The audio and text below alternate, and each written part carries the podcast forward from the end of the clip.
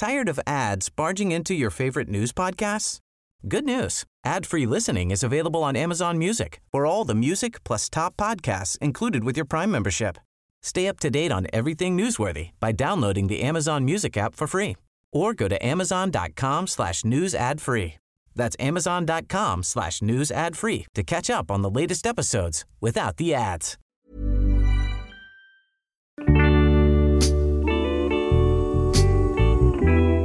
Du lyssnar på Ljudbokspodden, en podd från Aftonbladet Kultur. Med mig, Soraya Hashim. I det här avsnittet kommer vi rota i varför det finns en bild av att faktaböcker inte funkar som ljudbok. Stämmer den bilden? Och varför i så fall? Dessutom kommer vi såklart bokcirkla. Den här veckan har Anna Andersson, Hanna Olsson Berg och jag läst faktaboken Herrarna satte oss hit av Elin Anna Labba.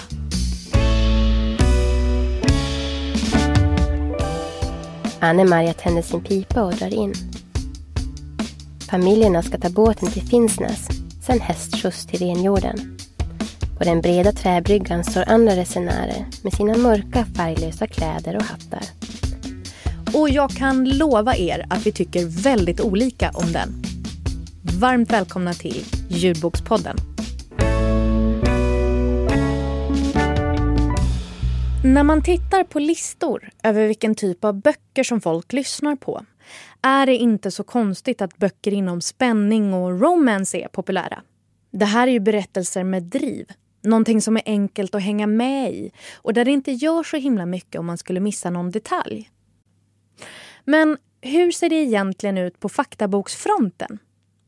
Om man tittar på utbudet i faktakategorin på de olika strömningstjänsterna så är det lite som att hamna på typ midsommarfirandet i Slottsskogen i Göteborg. Alla får vara med och alla får plats. Ja, alltså kanske inte under en pandemi, men ni fattar vart jag är på väg här.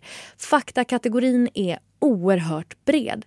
Böcker om artificiell intelligens, krig och Palmemordet blandas med sommarpratarkåserier, David Batras bok om skojiga notiser i tidningen och timmar och åter timmar av självbiografier.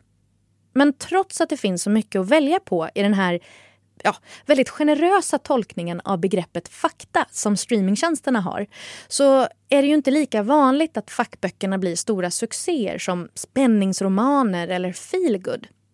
I alla fall inte enligt Pelle Andersson som är vd och förläggare på bokförlaget Ordfront som ger ut väldigt mycket faktaböcker. Om vi säger så här då, att en fackbok får liksom kämpa sig upp till att nå något slags break-even. Eller så att den betalar sina egna kostnader och kanske ofta ändå gör det i slutänden. Men det tar mycket längre tid.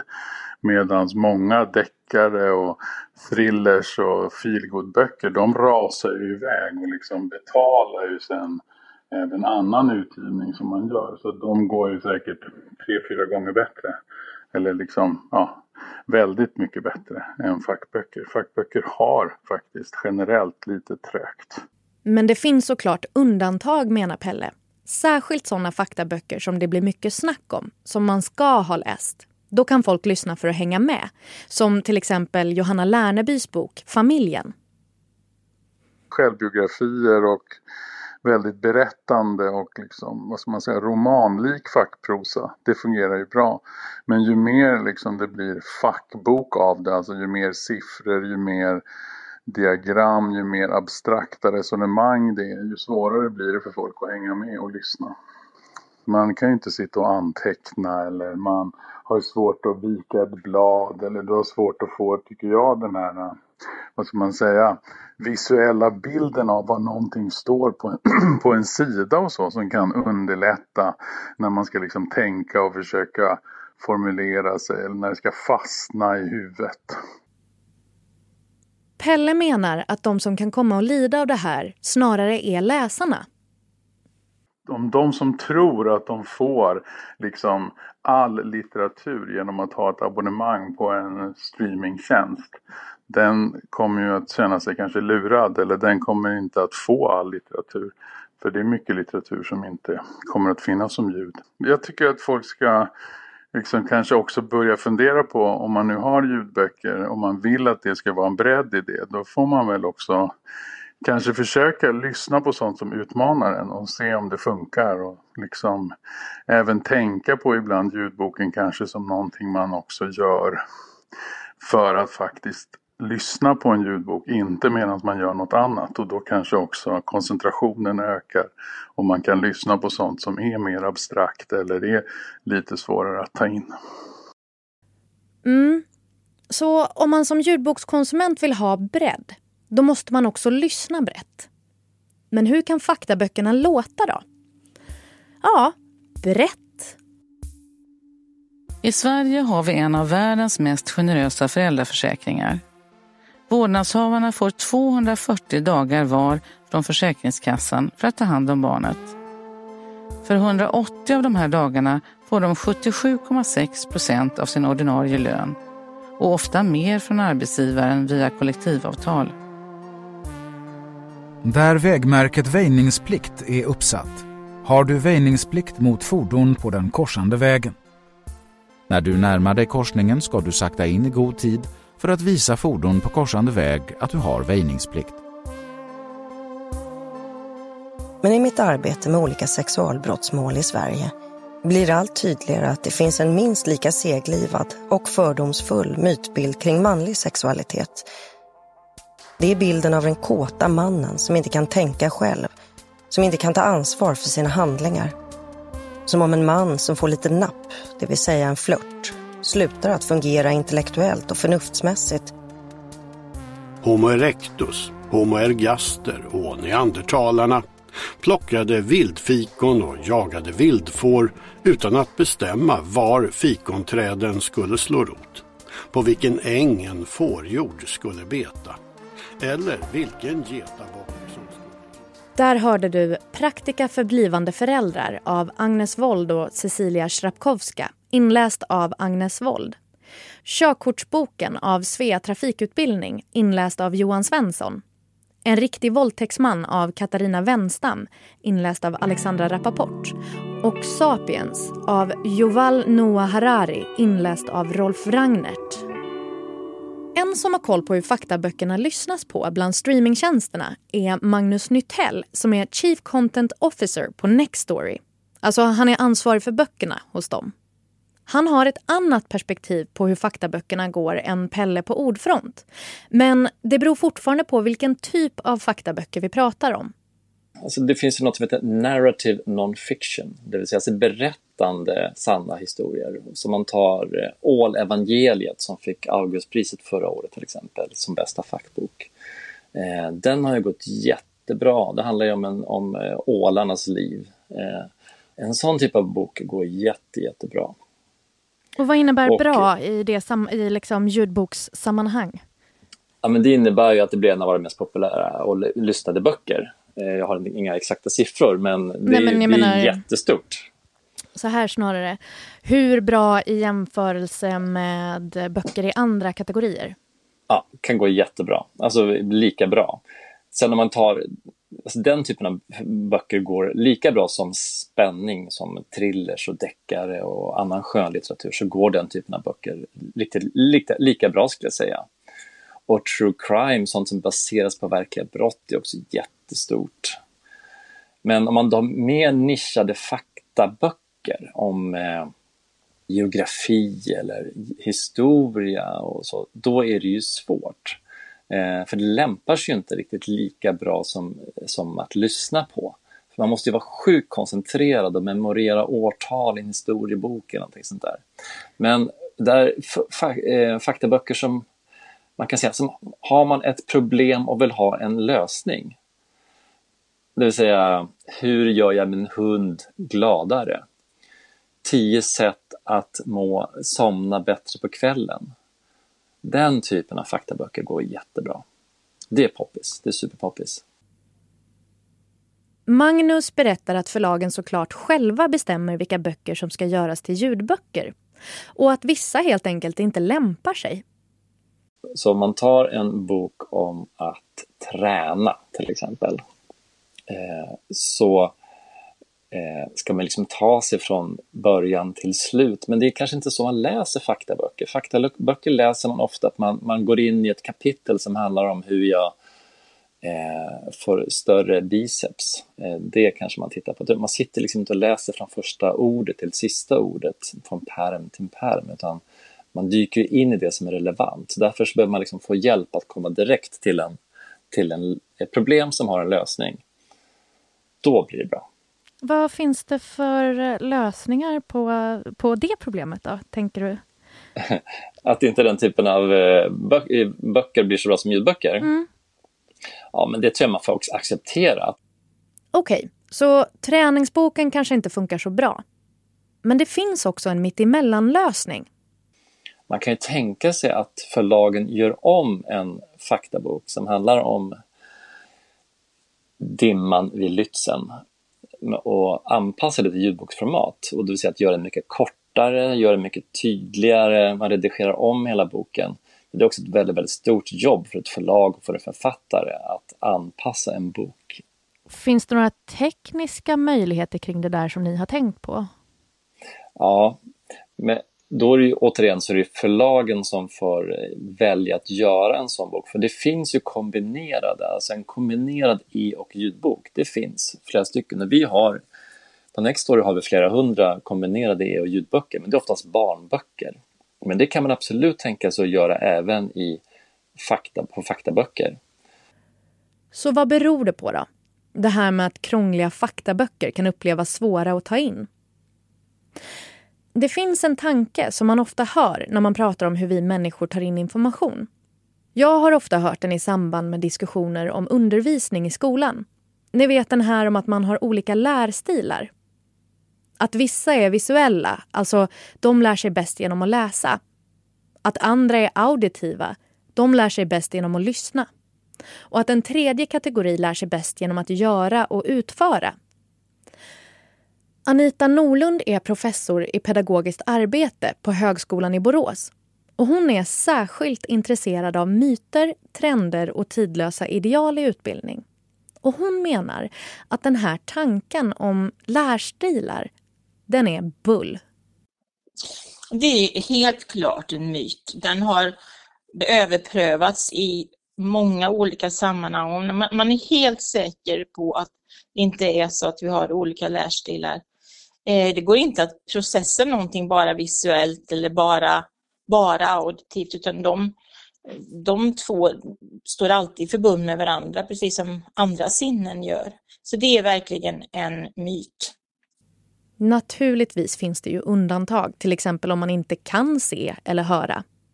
Samtidigt är det ju så att många ju faktiskt upplever att det är svårare att ta in information på ett sätt än ett annat. Det handlar kanske om en vana eh, och att vi inte är vana vid att eh, processa det vi lyssnar på på samma vis som när vi processar det vi, det vi läser. Om vi läser en faktatext, vi är vana vid att göra från skolan och då kanske vi har fått eh, frågor till eller vi har fått uppmuntran att eh, samla likheter och skillnader i ett vändiagram till exempel.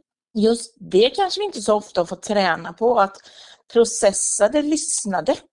Och därför är vi inte vana vid att göra någonting annat än att bara lyssna rakt igenom.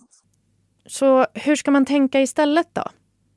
Snarare kan man se det som att en ljudbok och en, en så kallad vanlig bok har olika erbjudanden att ge och att man ska utnyttja de erbjudandena som är och nu får ni hålla i er, för nu ska vi till fågelskådarnas värld. Det är ju inte så lätt att säga vad som är det bästa sättet att presentera fakta på. Det skulle vara lätt att tänka sig att ljudboken är överlägsen för att lära ut fågelläten. Där kan man ju spela upp lätena. Men det är ju faktiskt lite mer invecklat än så. För det verkar inte vara som så att man lär sig fågelläten genom att bara lyssna på, på ett inspelat ljud. Utan det som verkar vara den multimodala semiotiska resurs som fungerar bäst, det verkar vara att man har verbala liknelser. Till exempel så säger man att Strandsgatan låter kubik, kubik.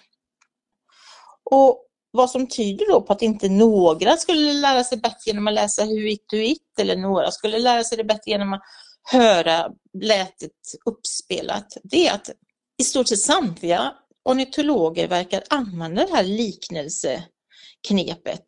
Det verkar vara som om ornitologerna kanske outtalat faktiskt har hittat den bästa eh, multimodala resursen. Och då funkar ju det att skriva det här med kubik, kubik i en tryckt bok, men det funkar ju också att berätta om det i en ljudbok och kanske samtidigt där då spela upp det här eh, lätet. Där tror jag att den kombinationen med att spela upp Strandsgatans läte och samtidigt säga kubik, kubik, där har naturligtvis ljudboken eh, med största sannolikhet en eh, fördel, ett försprång. Så helt enkelt, det bästa sättet att lära ut något och att antagligen ta in någonting är en kombination av så kallade multimodala metoder. Multi betyder många och modal betyder uttryckssätt. Så var ligger svaret i hur man gör faktaböcker mer lyssningsvänliga? Magnus på Nextory, han pekar ju på att man kan korta och anpassa vissa böcker. Och om vi tänker på det professor Anita pratar om, om multimodala metoder, då skulle man ju kunna tänka sig att till exempel ta inspiration från barnböckernas värld och göra kombinerade ljud och e-böcker.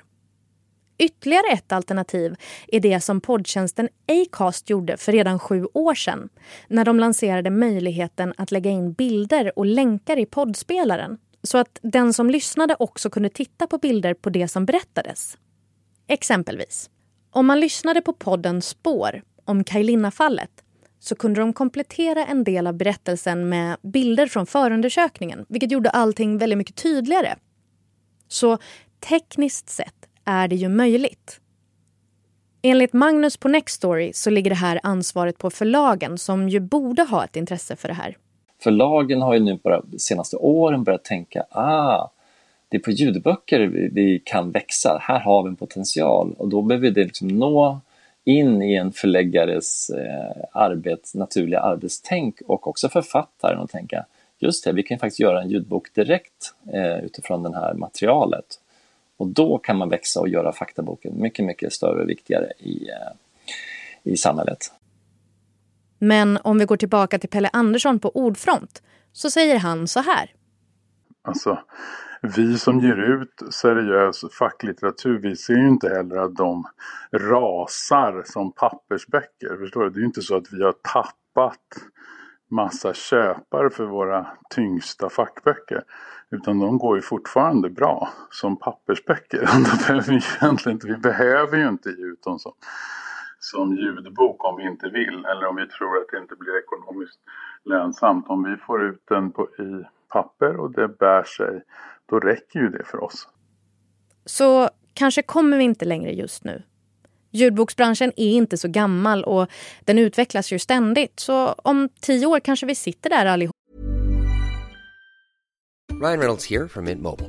With the price of just about everything going up during inflation, we thought we'd bring our prices down. So to help us, we brought in a reverse auctioneer, which is apparently a thing. Mint Mobile unlimited premium wireless. Ready to get 30, 30, bit to get 30, bit to get 20, 20, 20, bit to get 20, 20, bit to get 15, 15, 15, 15 just 15 bucks a month. So, Give it a try at mintmobile.com/switch. slash $45 up front for 3 months plus taxes and fees. Promo rate for new customers for limited time. Unlimited more than 40 gigabytes per month slows. Full terms at mintmobile.com. Hoppa med periodiska systemet i ljudform och tycker att det känns helt normalt och superpedagogiskt. Eller så är det en skitdålig idé. Det kanske aldrig går. Oavsett hur det blir i framtiden så får vi ta och släppa det här ämnet för nu. För här i Ljudbokspodden är det dags att bokcirkla.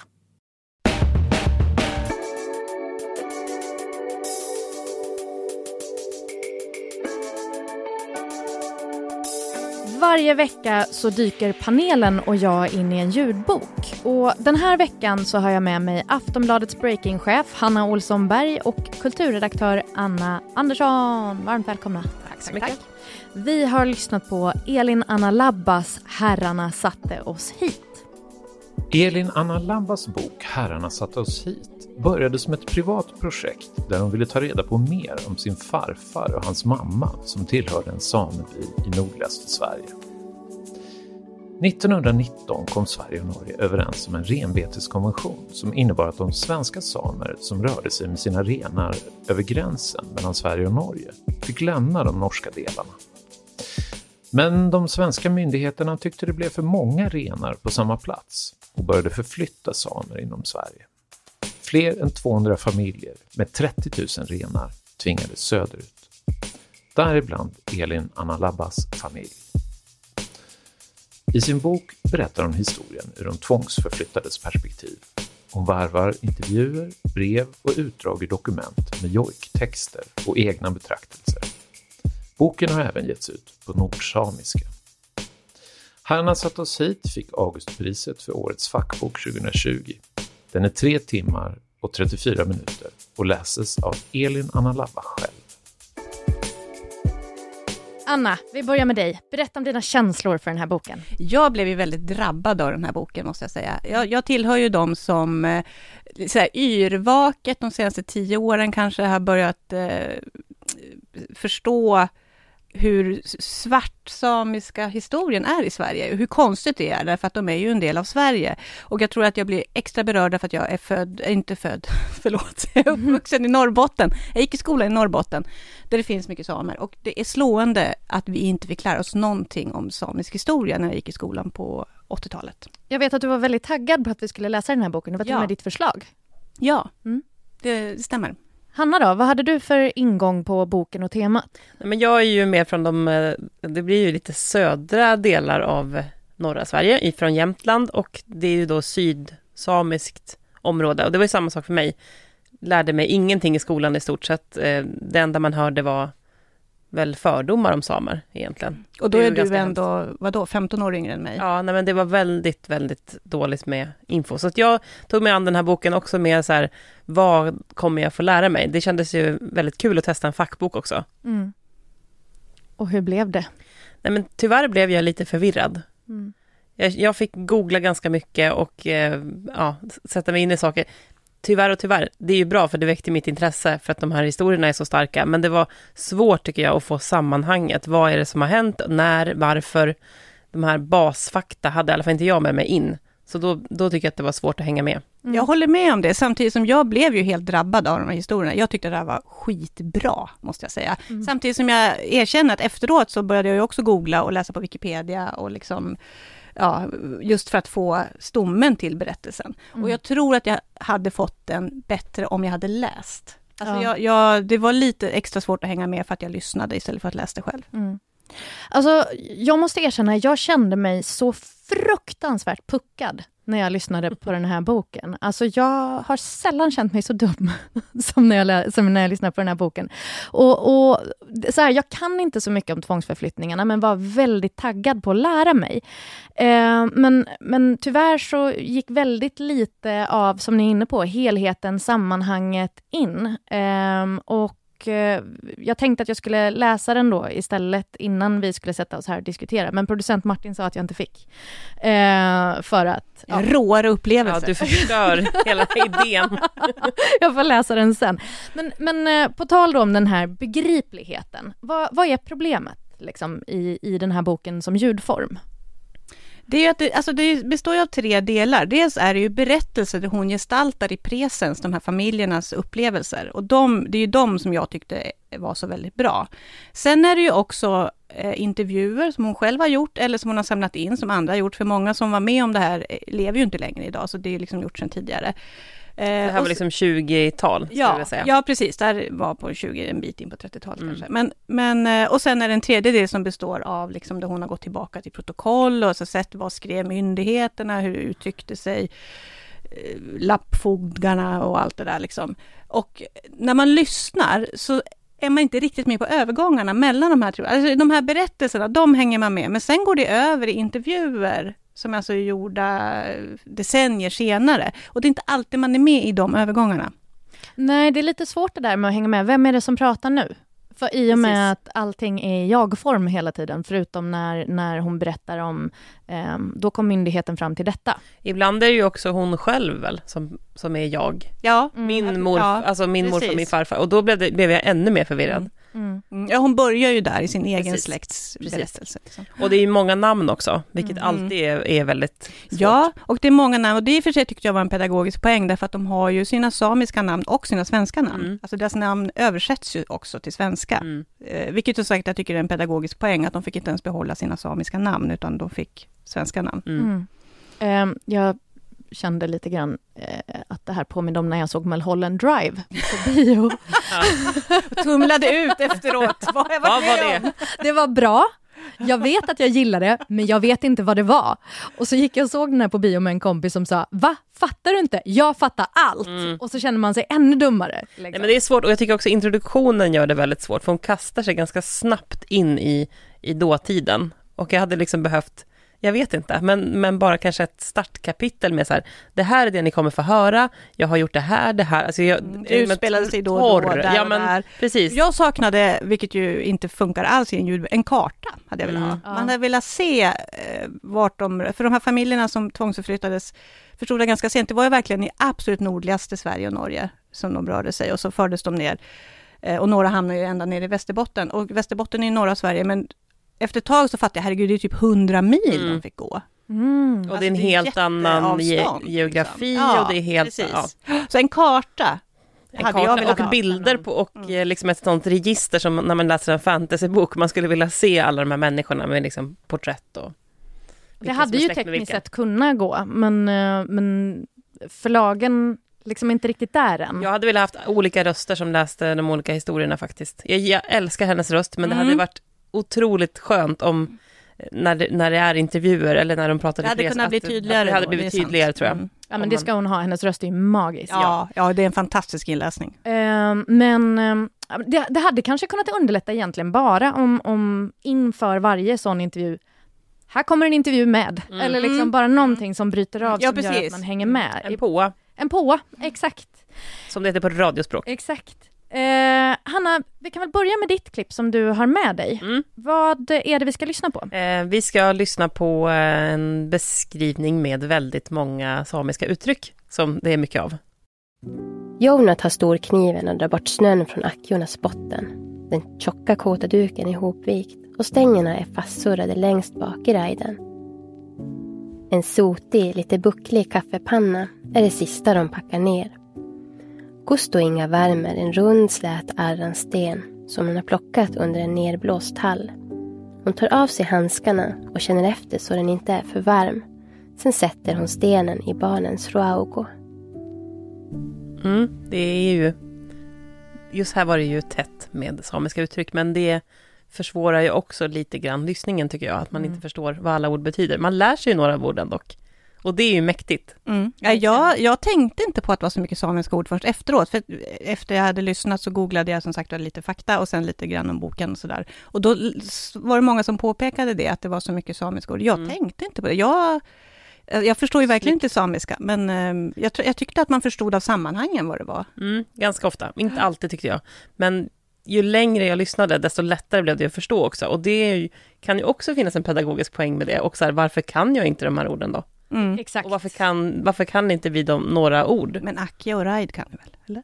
Nej, Nej. hade aldrig hört talas om det okej. förut. Det kanske är mitt Jag är fortfarande osäker på Ja. vad det är för någonting, men det låter Acke är jätte... själva pulkan. Ja, exakt. Och Raiden är liksom hela ledet av karavan. Ja, du, det kunde, ja, du kunde fuska. Du kunde ju visst, ja.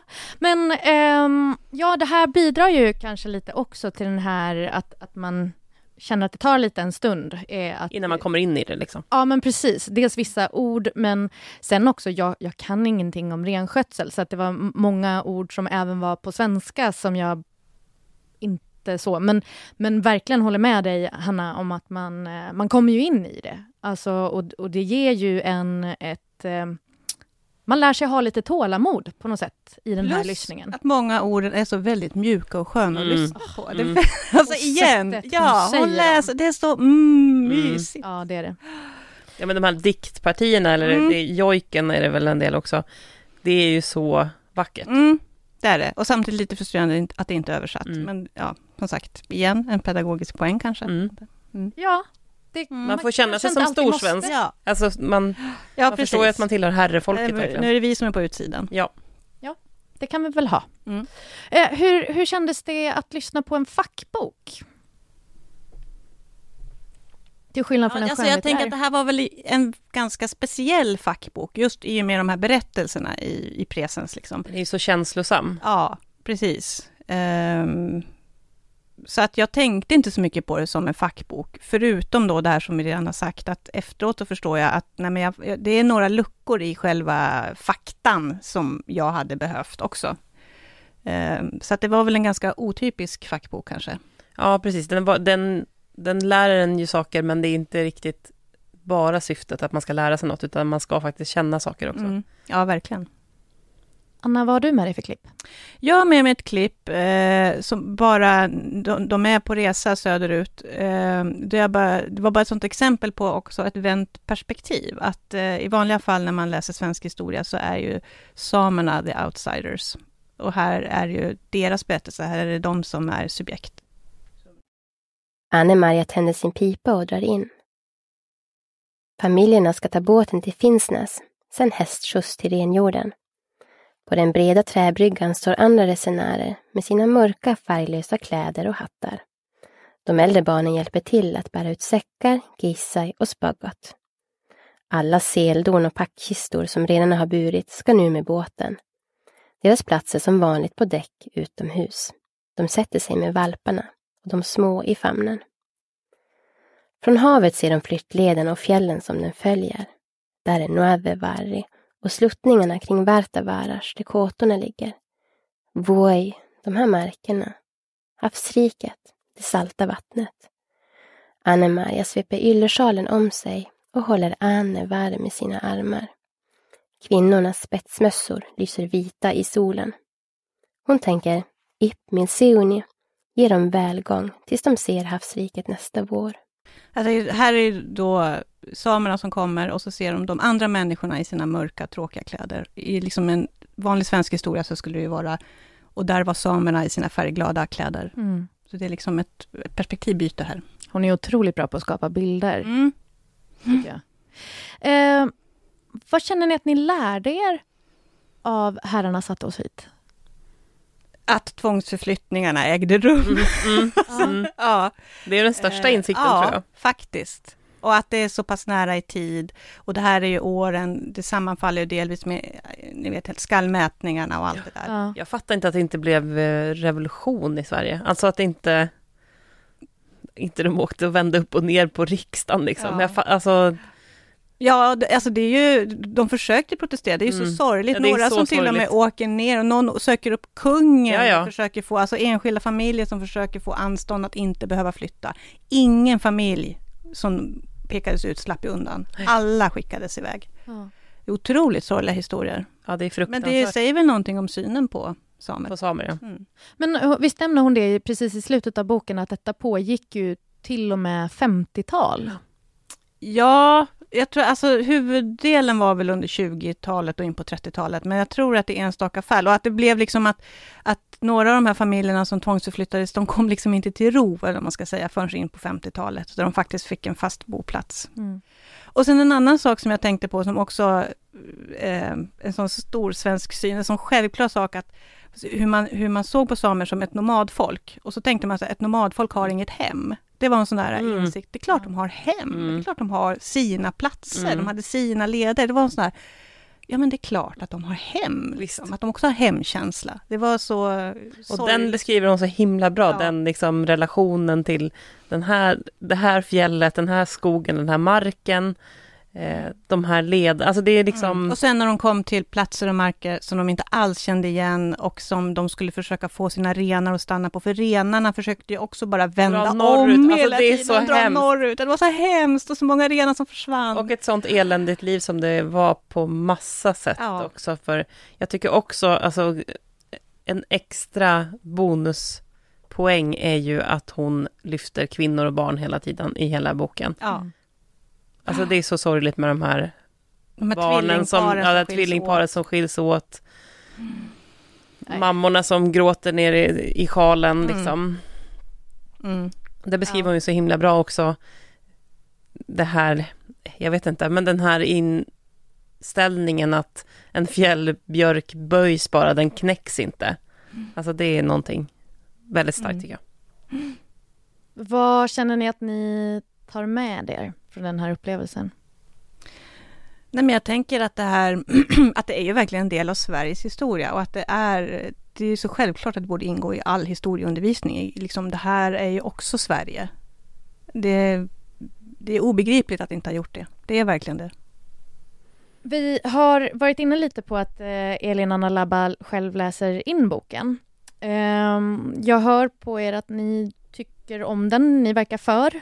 Vi är för. Ja, jag är också för. Mm. Men, men hade den varit bättre eller sämre på något annat sätt om någon annan hade läst in den? Vad hade varit för eller nackdelarna med det? Jag tror att det, hade, att det är otroligt viktigt att det är en samisk person som kan uttala alla de här samiska orden. Det är ju helt avgörande. Samtidigt tyckte jag Hanna hade en poäng i att liksom just det här eh, intervjuerna, där hade man kunnat använda fler röster kanske, för tydlighetens skull. Mm. Mm. Och skulle ni rekommendera någon att lyssna på denna boken och vem i så fall?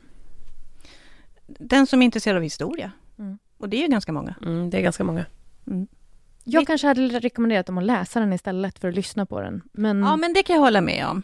ehm, men, men det kan jag ju inte säga, för jag tänkte faktiskt att jag ska sätta mig och läsa den nu. Ja, men jag tänkte samma sak. Ja. Eh, för jag vill verkligen förstå det här. Men, men... Och också att när jag läste om boken så var det så så många som påpekade hur vackert formgiven boken är. Så nu måste jag se Mm, ja, den här vill boken. den. Nej, men den är Och så kanske man får en karta, jag vet inte. Nej, men jag hoppas det. Nej, men den är ju jättepoetisk, så att man kan ju också använda den för att vaggas in i en stämning som, den finns ingen annanstans. Alltså man lyssnar på mycket poddar och det bara är något surr, man lyssnar på P1, alltså det låter på ett helt annat sätt Mm. än någonting annat som man lyssnar på. Så vill man bryta av sina lyssningsmönster så är det här en väldigt bra bok. Tack så jättemycket Hanna och Anna för att ni var med här i Bokcirkeln. Tack själv. Tack.